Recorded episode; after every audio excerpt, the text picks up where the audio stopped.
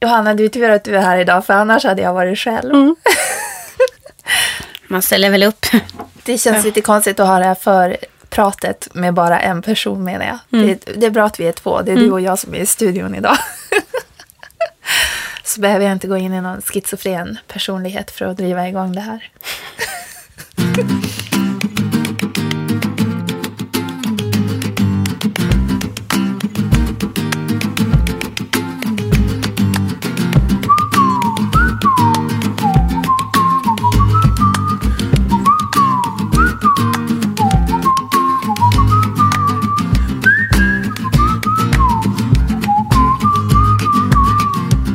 Nu är det dags för Bokpodden nummer 13 och den här gör vi tillsammans med nätbokhandeln Bokus.com. Och idag så kommer vi att tipsa om väldigt, väldigt många böcker. Det är ju snart sommar, då ska man läsa på sin semester. Eh, och idag så kommer ni få långa listor med bra böcker som ni kan läsa hela familjen. Och studenttips. Studenttips, det blir verkligen tips för alla. Mm. Eh, och vi har lite gäster som ska prata om det här på olika sätt. Och sen Johanna är med via Skype. Yes. Det är bara att starta.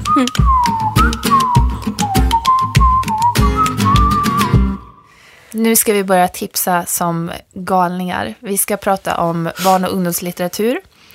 Och då är vi tre personer som har ransakat våra tipslistor. Det är Johanna K. Hello. Hello.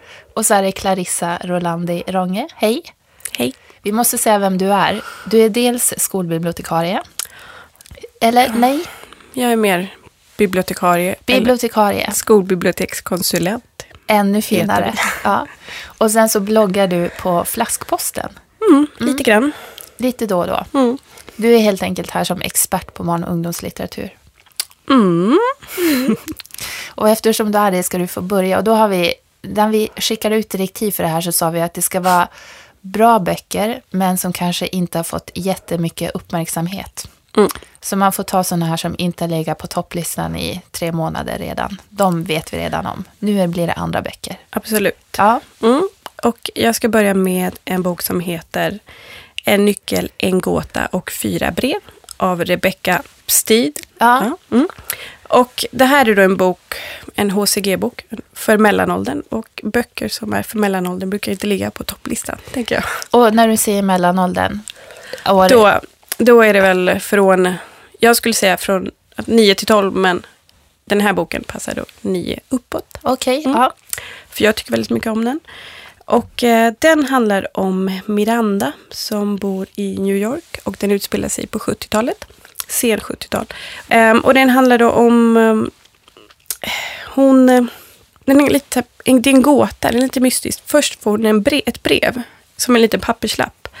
Ehm, där någon ber henne att skriva ett brev tillbaka och berätta om det som hände den där dagen, den där vintriga dagen. Och man vet inte riktigt vad som händer. Så att den börjar i nutid och sen så hoppar den ganska mycket i tiden. Och det finns en dag då som det har hänt något hemskt. Ehm, och eh, Miranda börjar berätta lite eh, nutid, bakåt och lite framåt. Så att den är ganska svår kan man säga. Är det som en... eh, Det är lite Är det deckar eller är det bara eh, gåta? Nej, alltså jag vill inte riktigt säga vad det är eftersom Nej, nej, då, nej. då för, förstör man boken. Men det är, eh, det är en pusselbok. Lite det är som en pusseldeckare, fast det är, ing- det är ingen deckare. Mm. Ehm, och eh, jag gillar den väldigt mycket eftersom den är så, den är så väldigt bra berättad. Eh, Hon, hon har någon slags förmåga att, att skriva ganska kort och exakta meningar så att man, eh, man får så mycket mer av den här. Det är ganska korta kapitel och då ligger liksom allt mellan raderna. Mhm. Mm, och det tycker jag är ganska ovanligt i, kanske inte HCG, men i barnböcker. Mm. Mm. Ska vi hoppa till Johanna K? Eh, ja, jag eh, vill tipsa om Annie från sjön av Kitty Crowther som vann Albanpriset för några år sedan. Eh, och och ehm, det vill jag göra eftersom att även om hon har blivit uppmärksammad i Sverige med det här priset så tror jag att många föräldrar och morföräldrar och sånt som väljer bilderböcker till sina barn väljer svenska författare som Pia Lindenbaum och Eva Eriksson och sånt där. Eh, men Ehm, den här boken är väldigt eh, vacker. Det är en kvinna som är ensam. Hennes mamma är död. Hon sitter och är, som jag tolkar det, lite smådeprimerad uppe i en stuga vid en sjö. Och sen går hon ner till sjön för att dränka sig. Ehm, och på sjöns botten så får hon se att de här öarna som sticker upp i sjön är inte öar. Ehm, och det kan jag tillägga att folket i byn är lite rädda för de här öarna för att de rör sig, de flyttar på sig. Var inte den där ön till vänster förut? Lite så. Eh, och då får de se att det är jättar och öarna är liksom deras hattar. Så hon börjar prata med de här jättarna och hjälper dem till havet. Och ja, men den, den blir i alla fall väldigt fin och väldigt lycklig. Det, det går bra för Annie kan jag säga. Inte ett trauma om man läser det för sin femåring. Nej, alltså jag, jag, tror att man som vuxen kan vara lite, lite försiktig med sina egna tolkningar och låta, låta barnen tolka istället. Mm, mm. Man behöver inte lägga orden i munnen på sitt barn och bara, nu ska jag läsa en bok om en kvinna som ska ta livet av sig. Utan det kan vara, ja, det kan vara som en bok som alla. Mm. En bok om en kvinna och en sjö. Ja, precis. Annie från sjön. Mm. Ja. Eh, och jag har en bok, nu går vi verkligen laget runt i fråga om ålder, för min bok är en tonårsbok. Mm. Eh, och den heter Robothjärta och är skriven av Natalie Standiford. Eh, och den här är eh, väldigt eh, lite udda och lite speciell. När jag läste på så här bokinfosidor så står det att om man gillar filmerna Juno och Nick och Nora så tycker man om den här boken. Så här indiefilmer, gulliga indiefilmer. Och det stämmer verkligen för att den handlar om en tjej som hon och hennes familj flyttar hela tiden. Pappan håller på att byta jobb och så kommer hon till en ny skola som vanligt. Eh, och där så är hon till en början lite, ja, lite avvaktande och ensam och sådär. Men då träffar hon en kille som alla andra på skolan kallar Ghost Boy för att han är så vit och blek. Eh, och han är ganska speciell. Eh, och de här två börjar umgås eh, och lär känna varandra mer och mer. Och det jag gillar om den, det är för att den är inte den här typiska, åh nu har hon träffat en kille, nu kommer de att bli kära, nu blir det jättelyckligt. Det är liksom inte bara den innehållstråden, utan det är också väldigt mycket fluff som jag tycker att amerikanska ungdomsböcker är bättre på än svenska ungdomsböcker. För svenska ungdomsböcker är ganska rak i handling så här och i amerikanska så kan man få lite mer kring det hela. Och här är det till exempel ganska mycket om eh, nattradio. Den här killen är besatt av att lyssna på nattradio och ringa in till en viss show och prata så här en röst i natten-aktigt. Det förklarar ju varför han är så blek. Ja, mm. det förklarar varför han är så blek. och de håller på ganska mycket. De träffar lite udda personer som är på nattradion och det är helt enkelt väldigt mycket så här trevligt runt omkring. Eh, jag kan tänka mig att det är en sån bok. Om man gillar den så kommer man att gilla den jättemycket. Om man inte tycker om den så kommer man att tänka det händer ingenting i den här boken. Vad handlar det om? Men jag tycker att den är super, super fin. Robothjärta. Mm. Då ska jag berätta om en väldigt kort bok. eh, och den heter Pappa säger att vi räddar liv av Do van Ranst. Det är en holländsk bok. Eh, och den kom bara för några år sedan, kanske 2010. Jag kommer inte ihåg. Eh, och den handlar då om en tjej. Vi, vi, får aldrig veta vad hon heter. Det är hon som berättar. Hon är 15 år. Och hon bor vid en enslig väg som slutar vid en halv en, halvklar, en, en bro som inte är färdig. Som bara Um, och hennes hus ligger precis i en kurva och då och då så brukar bilar krascha in i huset. De, ja, så den är lite absurd. Um, men den, he, den heter då Pappa säger att vi räddar liv. Och då menar de att eftersom de har det här huset och de här bilarna som kör så himla fort, de krockar in i huset istället för att köra rakt ut i den här sjön. Mm. Hmm. Ja, precis, men det handlar mycket om att hon går runt där i den här byn, mitt i ingenstans och funderar väldigt mycket kring sin sexualitet. Och hon har en bästa kompis som hon gärna hånglar med, en tjejkompis. Och den här kompisen vill hela tiden gå längre. Ehm, så den lägger ganska mycket sex, men inte så farligt. Ehm, men hon känner att hon vet inte riktigt om hon gillar tjej eller kille eftersom hon aldrig har legat med en kille. Och hon har hela tiden så fantasier om att det ska komma en kille i en bil och krascha in i huset. Precis som hennes pappa gjorde. Eh, det var så han träffade mamman då. Han kraschade mm. in i huset en gång för 16 år sedan. Men gud. Alltså den är väldigt ja. annorlunda, men ändå korta kapitel. Eh, lite absurd, men annars realistisk. Ja. ja spännande. Vi tar en till från Johanna K. Mm. Eh, då ska jag tipsa om eh, Flickan med glastornet av Erika Wallin som är en... Det, hon, det var hennes debut, hon kom med den i höstas. Och redan nu så kommer hon med bok nummer två, för det är en trilogi. Eh, och den handlar om en, en, ett parallellt universum som man kommer in i via speglar. Och det är en tjej som har förlorat sin mamma och pappa eh, för ett år sedan och bor med sin farmor nu. Eh, och hon introduceras för den här eh, världen, för hon är precis som Buffy och Engelsfors-tjejerna så är hon utvald. Hon är utvald att vara första väktare till de här speglarna. Och eh, hon har hjälp av sina två klasskompisar, Mark och, eller Max och Lima. Eh, och de går på Franska skolan. Det är, det är väldigt eh, innerstadigt. De är på Djurgården på Östermalm. Eh, de går och fikar på Il Café vid eh, Rådhuset. Och de är ganska lillgamla. Eh, fast inte. Eh, det var någon som, som kommenterade det på, på Bokhora när jag skrev om boken. Och så, så fruktansvärt eh, orealistiskt tycker jag inte de pratar.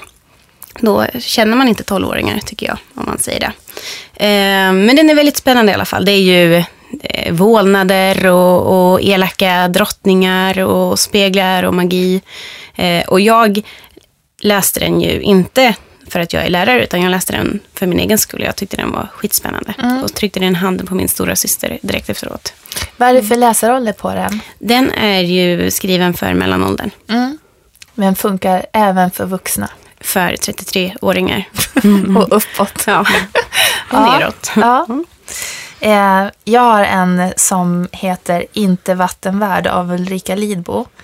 Egentligen när jag läste beskrivningen om det så tyckte jag faktiskt att det lät som en tråkig bok. För det handlar lite om mobbing och eh, utstötthet. Alltså det är, man bara, jag har en till bok om det här svåra ämnet. Eh, men sen hade vi den i en bokcirkel så jag blev tvingad att läsa den. Och det är jag väldigt glad för. För att huvudpersonen heter Edith och när boken börjar har hon kommit hem alldeles nyss från en klassresa hon går på högstadiet. Eh, och hon har sån himla ångest för att med på den här klassresan var den utstötta tjejen i klassen som Edith och hennes kompisar håller på att reta väldigt mycket. Och den tjejen heter Sigga. Och sen försvann liksom Sigga. Så Edith har väldigt stor ångest. Ligger hon i en skog och är död? Är det vi som har indirekt tagit död på henne? Och hon, är, hon vågar som inte säga någonting. Hon vågar inte prata om det med sin mamma. Eller hon bara försöker mörka det här och tänker att de andra kanske kommer att göra någonting och sådär. Och parallellt med att det här fortlöper med den försvunna klasskompisen så får man också veta väldigt mycket om dynamiken mellan Edith och hennes eh, bästisar kan man väl säga att de är, i alla fall de människor som hon umgås med. Och det är det jag tycker är så himla bra, för det är hemskt och det är svart och det är, man känner igen sig exakt. Och det är väldigt mycket det här äh, maktbalansen, hur hon inte har någon annan, så hon är hänvisad att vara till de här kompisarna och de är fruktansvärda mot varandra. Och sympatierna bara som flyter runt, att ibland är det två stycken som är bästisar, sen är det två andra som är bästisar. Och då försöker en utstötta komma in. Alltså det är en otroligt bra skildring av sociala relationer. Eh, och det också gör att jag tycker att den här boken, den passar för många. Det är verkligen inte bara så att man kan tänka att man ska läsa den när man är en, en högstadieelev, utan man kan definitivt läsa den som vuxen också. Den är jättefin. Nu har vi fått massa tips från alla åldrar, från 4-5 och uppåt. Man kan läsa allt möjligt. Clarissa, tack för att du ville vara med och tipsa. Tack.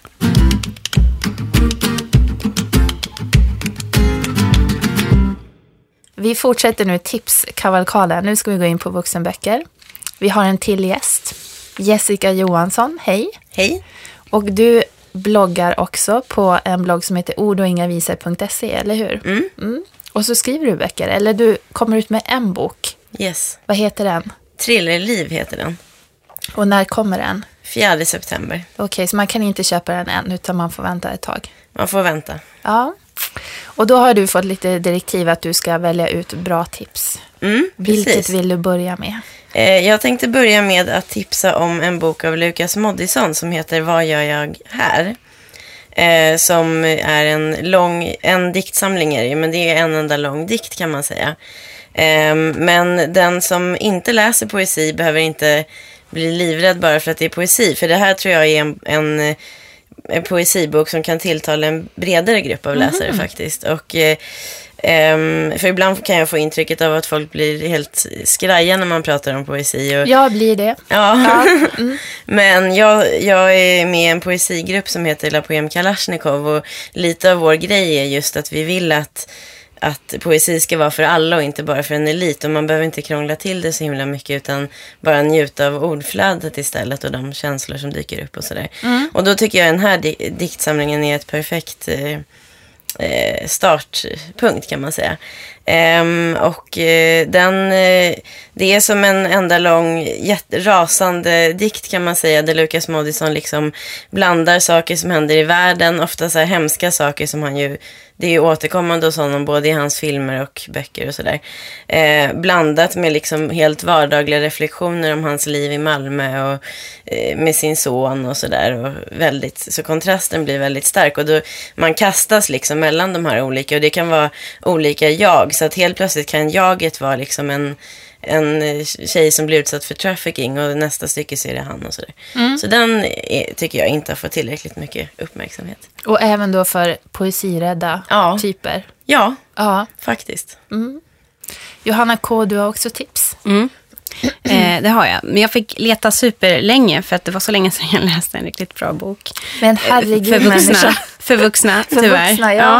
Eh, nej, men så jag såg att min gamle favorit Alexander Hemon, hur, han nu, hur hans namn nu uttalas, eh, kommer med en ny bok eh, snart som inte det finns något svenskt utgivningsdatum på.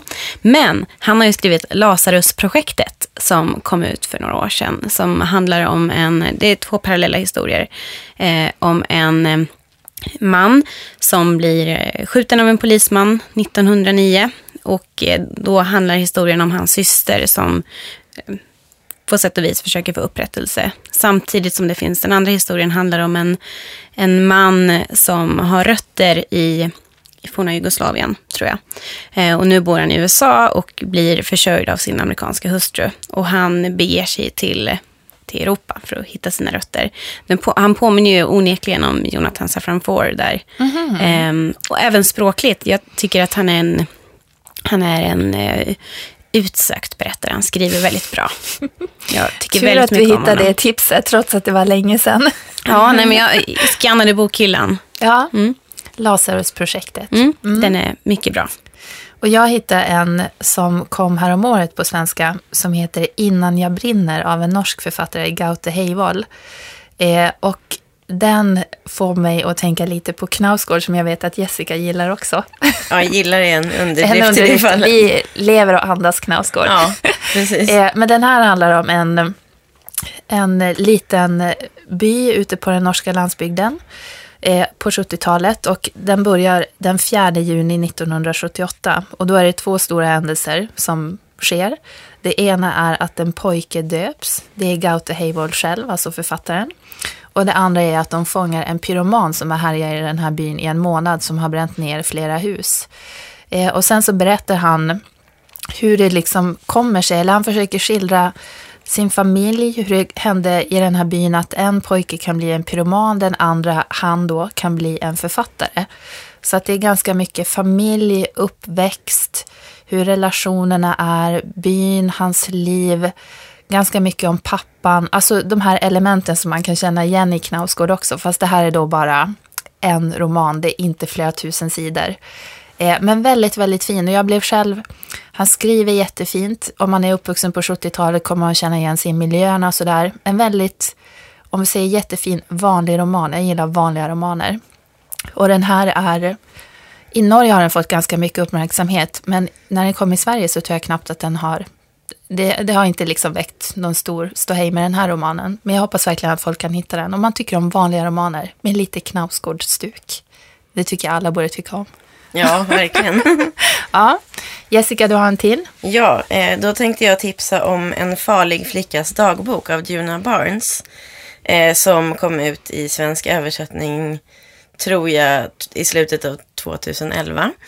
Eh, och eh, för det första så är hon en extremt cool författare. Om man bildgooglar Juna Barnes så sitter man bara och gapar över hennes coolhet liksom.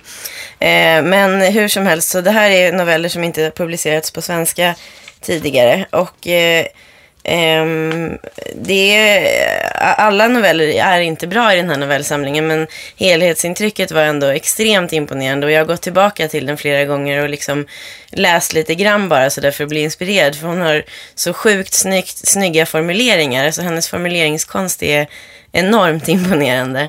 Och väldigt mycket så här, ja men språket gör och liksom gör liksom hela novellsamlingen på ett sätt. Och ehm, eh, det är det som jag minns den främst för. Sen läste jag i efterordet till boken att eh, hon hade fått höra att hennes noveller var för morbida. Och då sa hon enligt det här efterordet i en intervju då. Se på mitt liv, se på livet omkring mig. Var, var finns den skönhet som du menar att jag undgår? Och det tycker jag sammanfattar de här novellerna ganska bra, vilket är väldigt positivt för mig då. Jag hör bara noveller och bara det måste jag läsa. Ja, gör det. Jag har redan en köpare. Johanna K tar dem. Ja. Johanna, du har ett till tips också. Ja, eh, nu ska jag tipsa om en kokbok mitt i allt. Åh herregud. Får man det? Ja, absolut. Ja, nej men jag tänkte så här att ehm, det är ju studenttider nu. Ehm, och eh, min uppfattning är att många, en, en bra studentpresent är en kokbok. Och en ännu bättre studentpresent är en vegetarisk kokbok. För att eh, Altomat har gjort en kokbok. Cecilia Lundin och Ulla Karlström. Eh, den heter Bonniers vegetariska kokbok och den är fantastisk. För det första är den grymt snyggt paketerad, det är fina bilder, den har ett bra upplägg. Den berättar om frukost, lunch, middag. Det kan vara eh, fredagskvällen som ska vara lite lyxigare och lördagskvällen som är ännu lite lyxigare och sen långkoket på söndagen. Eh, och sen kan det vara buffé, det kan vara lite eh, olika tillfällen. Eh, och eh, jag som äter vegetariskt får ju ofta frågan, men vad äter du för någonting om du inte äter kött? Och, och det här är liksom svaret. Det finns så sjukt mycket god mat i den här. Ehm, så den är ett bra, tip, bra tips. Mycket matnyttigt, bokstavligen. Och det lät också för att min fördom om vegetariska kokböcker är att man inte får det här buffé, fest. Ja. Det är lite speciellt i den här kokboken va? Ja, men och att den är, det, det är inte liksom bara linsgrytor eller en... Nej. Kål. Nej, men precis. Ja, men det är, det är lite lyxigare och det är vintips och sånt här. Så att den är verkligen ett bra tips. Ja, även för sådana som inte är vegetarianer ju. Absolut. Jag har en som är skriven av Sofia Nordin. Nu låter det som att det var en kokbok, det var det inte. Det här är en roman, vi är tillbaka på romaner. Eh, och den heter Gå sönder, gå hel. Och Sofia Nordin skriver, jag tror att hon är verkligen mest känd för sina ungdomsböcker, för hon har skrivit flera ungdomsböcker, men hon har även skrivit vuxenböcker. Och det här är för vuxna. Eh, och då handlar det om två kvinnor, eh, det är två parallella historier. Och den ena kvinnan, hon verkar liksom helt vanlig, bor med man och barn i ett radhus. Inga, inget mer med det liksom. Och sen är det den andra kvinnan som gömmer sig i en sommarstuga och har ett spädbarn. Och man fattar att hon har tagit det här spädbarnet. Det är liksom, det är nog fuffens på gång. Och det som är bra med den här är att man förstår liksom direkt att de här två historierna kommer att vävas ihop på något vis. Kvinnorna har någonting med varandra att göra. Och det är väldigt krypande, obehagligt och läskigt och blir det bara mer och mer. För den här kvinnan då, som jag sa, allting är helt vanligt när hon bor i radhuset. Hon är väldigt besatt av allting som är normalt. Hur ska man göra när man fixar vänner om man är en normal människa? Eh, hon ty- tycker till exempel att Någonting av det bästa som kan hända för henne det är att anlända i bil. Det är så väldigt normalt. Alltså att man kommer, man kör fram i en bil. Då är det liksom, då är det ordnat, det är lycklig barndom och det är allting sånt där. Så hon är väldigt besatt av att verka normal. Och den andra kvinnan då, hon är ju mer så här, skaffa barn till spädbarnet, överleva i kylan i sommarstugan. Alltså den är väldigt, både spännande och väldigt, väldigt obehaglig. För jag vet att en del som läser den här, de kanske inte pallar den för att de klarar inte av att läsa de här, ja, vad som händer med speciellt kvinnan och barnet. Men den är ett tips, och den är också en sån här liten tunn bok, så den är inte speciellt lång, men det händer väldigt mycket på de här relativt korta sidorna. Jag har också läst den, man minns den verkligen. Den hänger kvar. Det här, liksom, det är bara mer och mer, det bara faller isär. Ja. Precis. Har du en sista, Jessica? Ja, eh, mitt sista tips är efter honom Syndafloden av Per Planhammar, svensk författare. Eh, och det är en så kallad fiktionalisering, alltså där man tar ett korn av verkligheten och så eh, hittar man på runt omkring det så blir det en roman. Eh, som jag är väldigt förtjust i och det brukar man antingen vara så här, gilla eller ogilla. Sådär. Men i alla fall, och den handlar om sista tiden i Jack Kerouacs liv. Eh, som han då eh, fick journalisera kring.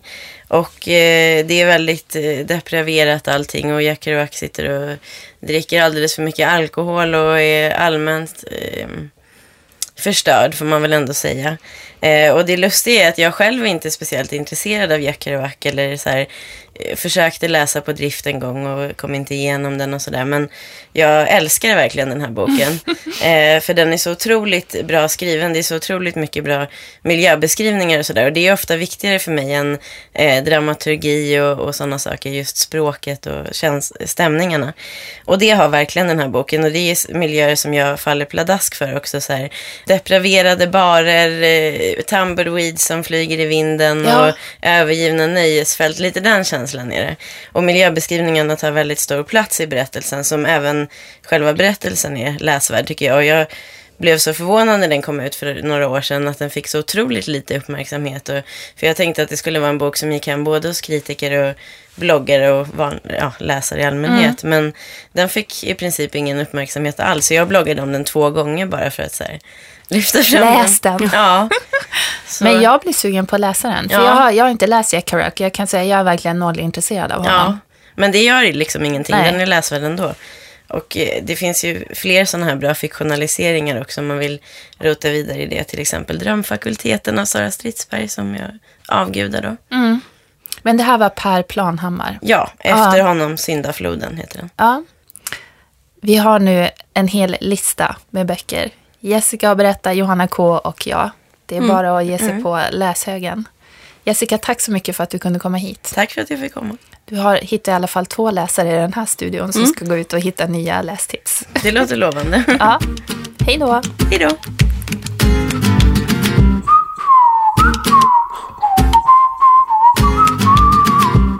Och nu så är det jag, Johanna K, som står här med eh, Johanna Ö på Skype. Ja. Och du har en lite annorlunda vinkel på ditt tips. Jo, eh, för det är nämligen så här att eh, det här är en sak som jag har gått och tänkt på jättelänge med utgångspunkt faktiskt i en bok, eh, Carolina Ramqvists Alltings början. För huvudpersonen där, hon får, när hon är typ så här, vad kan hon vara, 15-16 kanske, så får hon en slags feministisk kanon av eh, sin mammas väninnor, alltså en lista på egentligen feministisk litteratur som de tycker att hon ska läsa.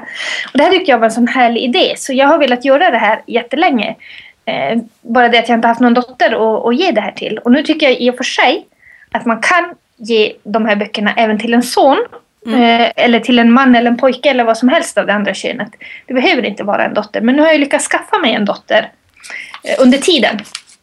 Så nu kommer en feministisk kanon till min dotter Eida och alla andra som känner ett behov av feministisk litteratur. Så det är mina tips. Ah, låt höra. Ja, jag, jag har faktiskt delat in det här i tre olika delar kan man säga. Eh, och då är det en faktadel. För jag tycker att det är lite viktigt med fakta när det handlar om ismer så att man inte liksom bara går lite så här på någon skön feeling utan det, det måste finnas liksom lite eh, bakgrundsfakta också. Mm. Och jag tycker att man kan börja, bara för att man liksom ska veta hur har vi kommit hit där vi är idag, så tycker jag att man kan läsa en bok eh, som eh, heter Grupp 8 och jag, som Gunilla Thorgren har skrivit. Hon var ju ganska aktiv i Grupp 8-rörelsen när den drog igång på, på 70-talet. Eh, och hon berättar om den tiden och varför de drog igång och hur det blev och vad de uppnådde och, och, och ja, egentligen hur man, hur man kom till det här med ropen skalla, dagis åt alla och så vidare. Är den ny? Nej, den är inte så ny. Jag skulle tippa att den kom kanske någon gång runt 2002-2003. Mm. Eh, och sen så tycker jag att man måste alltid när man pratar om, om feminism och, och fakta så måste man ha med en bok som heter Det kallas kärlek av Karin Holmberg som faktiskt är en avhandling som hon har gett ut som bok. Så det är lite annorlunda eh, också tycker jag med, med liksom att en avhandling faktiskt kan bli så himla intressant. Och den handlar om jämställdhet mellan barnlösa par. Så det kanske vore någonting för dig, lilla Jo, och din kille. Har du läst den? Nej, det har jag inte. Då kan jag tipsa om den. För det, man, man tror att man är, nu höll jag på att svära här, man tror att man är så jävla jämställda men man är inte det. Eh, jag fick jättemycket ögonöppnare fast jag tycker att jag har levt i ett jämställt förhållande innan vi fick barn. så insåg jag att nej, kanske inte ändå. Henrik, min kille får se upp. ja, ja, men det är sånt där. Och det, och det tycker jag är gemensamt för de här faktaböckerna, att det just finns en slags ilska. Alltså man blir ju arg och vill förändra världen när man läser de här böckerna och det tycker jag är så himla bra. Mm. Eh, och sen två andra böcker, vi behöver inte prata så mycket om dem, men det är Under det rosa täcket eh, och Våldtäkt och eh, romantik som Katrin Kielos har skrivit. Både, eh, den sistnämnda då, och den tycker jag också är så intressant just det här att hon har inte blivit våldtagen själv, men det är som att man måste alltid ha blivit våldtagen för att få, få liksom legitimt prata om våldtäkt på något vis. Mm. Sen så tycker jag skönlitteratur, om vi ska gå in där, Mm. så skulle jag vilja ge till eh, tjejer. Elsie Johansson har ju skrivit en trilogi om Nancy. Som handlar om, om kvinnors liksom, förutsättningar förr och hur det är att komma från knappa förhållanden och, och, och liksom försöka ta sig fram och bli någonting. Mm. Eh, och sen är Kristina Sandberg håller ju också på med någon slags eh, trilogi om just det här att, att om Maj som växer upp liksom i, i 30-talets Sverige och, och, och vad det har för, ja också i ett brukssamhälle i, i Östersund och sådär och vad det får för konsekvenser och liksom just det här kvinnor med ta plats och ens plats i familjen och osäkerheten som kommer med att man inte kanske har en egen identitet och sådär. Det, är det två böcker som har kommit där? Det är två böcker som har kommit men jag tror hon håller på med en till. Mm. Så det är eh, härligt. Och sen är det ju en favorit som jag tror att vi alla på Bokhora tycker väldigt mycket om. Som heter En klass för sig. Mm. Och Den har ju du också läst, eller hur? Eller Ja. ska du läsa om den nu precis? Ja, fast jag hittar den inte i bokhyllan. Ah, Men, men mm. som där liksom, uh, unga kvinnor som, som... Ja, men alltså just det här, vad ska man bli och vad ska man göra av sitt liv och, och, och frigörelse och, och liksom uppvaknanden Mm. på olika sätt. Eh, och sen får man väl säga då Alltings början också av Carolina Ramqvist som ju är någon slags utgångspunkt i det här. Så det är liksom lite grann det, det skönlitterära. Mm. Eh, och har vi ju de här klassikerna som man måste ha läst. Eh, och då pratar vi förstås Kvinnorummet, Marilyn French. Mm. Och det är ju också om 50-talets hemmafruar och, och, och feminismen och, och hur det var att vakna upp och liksom inse vad man håller på med och vad man ska göra. Eh, sen har vi också norska Gerd Brantenberg, Egalias döttrar. Har du läst den? eh, jag har lånat den, men jag hann aldrig läsa den. Nej, det är ju en sån där skön tvärtom. Mm. Det är lite så här tvärtomlandet. När, när kvinnorna kysser sina äkta män puss på kinden, hej då och går till jobbet och männen stannar hemma och liksom, ja. Hur, hur vore det om, om det faktiskt var kvinnorna som styrde och ställde i världen? Eh, men, men håller den? Ja, men jag tycker att den gör det. Eh, alltså sen, det är ju samma sak som egentligen med kvinnorummet. Att, att man får ju läsa de här i, i kontexten och den tiden som, som de kom i på något vis. Mm. Eh, kvinnorummet tror jag kom 77. Jag kommer inte ihåg när Egalias döttrar kom. Jo, men den är nog också någonstans där. Mm. Och det är klart att det, liksom, det var ju en annan situation då. Men, men jag tycker att, att de håller. Det är samma sak som maken av Gun-Britt Sundström som ju knappt behöver någon liksom, närmare presentation. Jag menar, den kom 76 men väldigt mycket i den är ju fortfarande aktuellt. Absolut. Eh, och sen har vi förstås Bitterfittan som är någon slags nutida klassiker. Tycker jag. Mm. Och det, jag tycker det är intressant för jag läste någonstans nu att eh, Maria Sveland ska skriva någon slags uppföljare till Bitterfittan. Ah. Som jag tycker ska bli väldigt intressant. Och Bitterfittan handlar ju om det här äh, Ja men egentligen samma funderingar någonstans som, som går igen i det här med, med kvinnorummet och, och just det här att, men ja då, var finns det plats för mig? Och, och, och, och som i maken också, liksom, att man inte får plats med sig själv någonstans i, i, i familjen och, och i samhället som kvinna. Eh, men så att det är väl någonstans kanske min kvinnliga kanon med ja, men mina tips till de som vill lära sig mer om feminism. Både ur faktasynvinkel, skönlitterär synvinkel och någon slags klassiker synvinkel. Vi har pratat om en eh, studentpresent idag. Det kanske blir en bra studentpresent att ge det här till en, en ung student.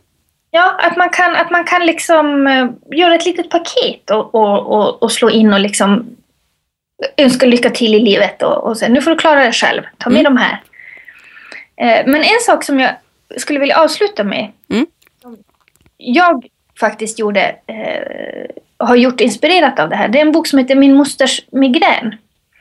Av Hanne Vibeke Holst, eh, den här danska succéförfattarinnan. Mm. Och skrivit om sin mosters migrän men också om sin mamma, sin farmor, sin mormor och starka kvinnor i sin närhet och gjort intervjuer med dem. Och jag tyckte den, när den här boken kom så låg jag och sträckläste den eh, hemma i mitt föräldrahem en hel natt. Den finns också i pocket. Och sen gick jag ut och så skrev jag ner hundra frågor och så gick jag hem till min mormor och min farmor och intervjuade dem. Ja. Eh, och det är ju väldigt härligt om man vill liksom lära sig mer om feminism och sånt. Att man kanske börjar i sin egen familj för att förstå vem man är och, och var man kommer ifrån. Mm. Så det får bli mitt avslutande tips. Gör det. Läs den boken, bli inspirerade och sen så tar ni era egna mormödrar och farmödrar och mammor om ni har dem i livet. Fint.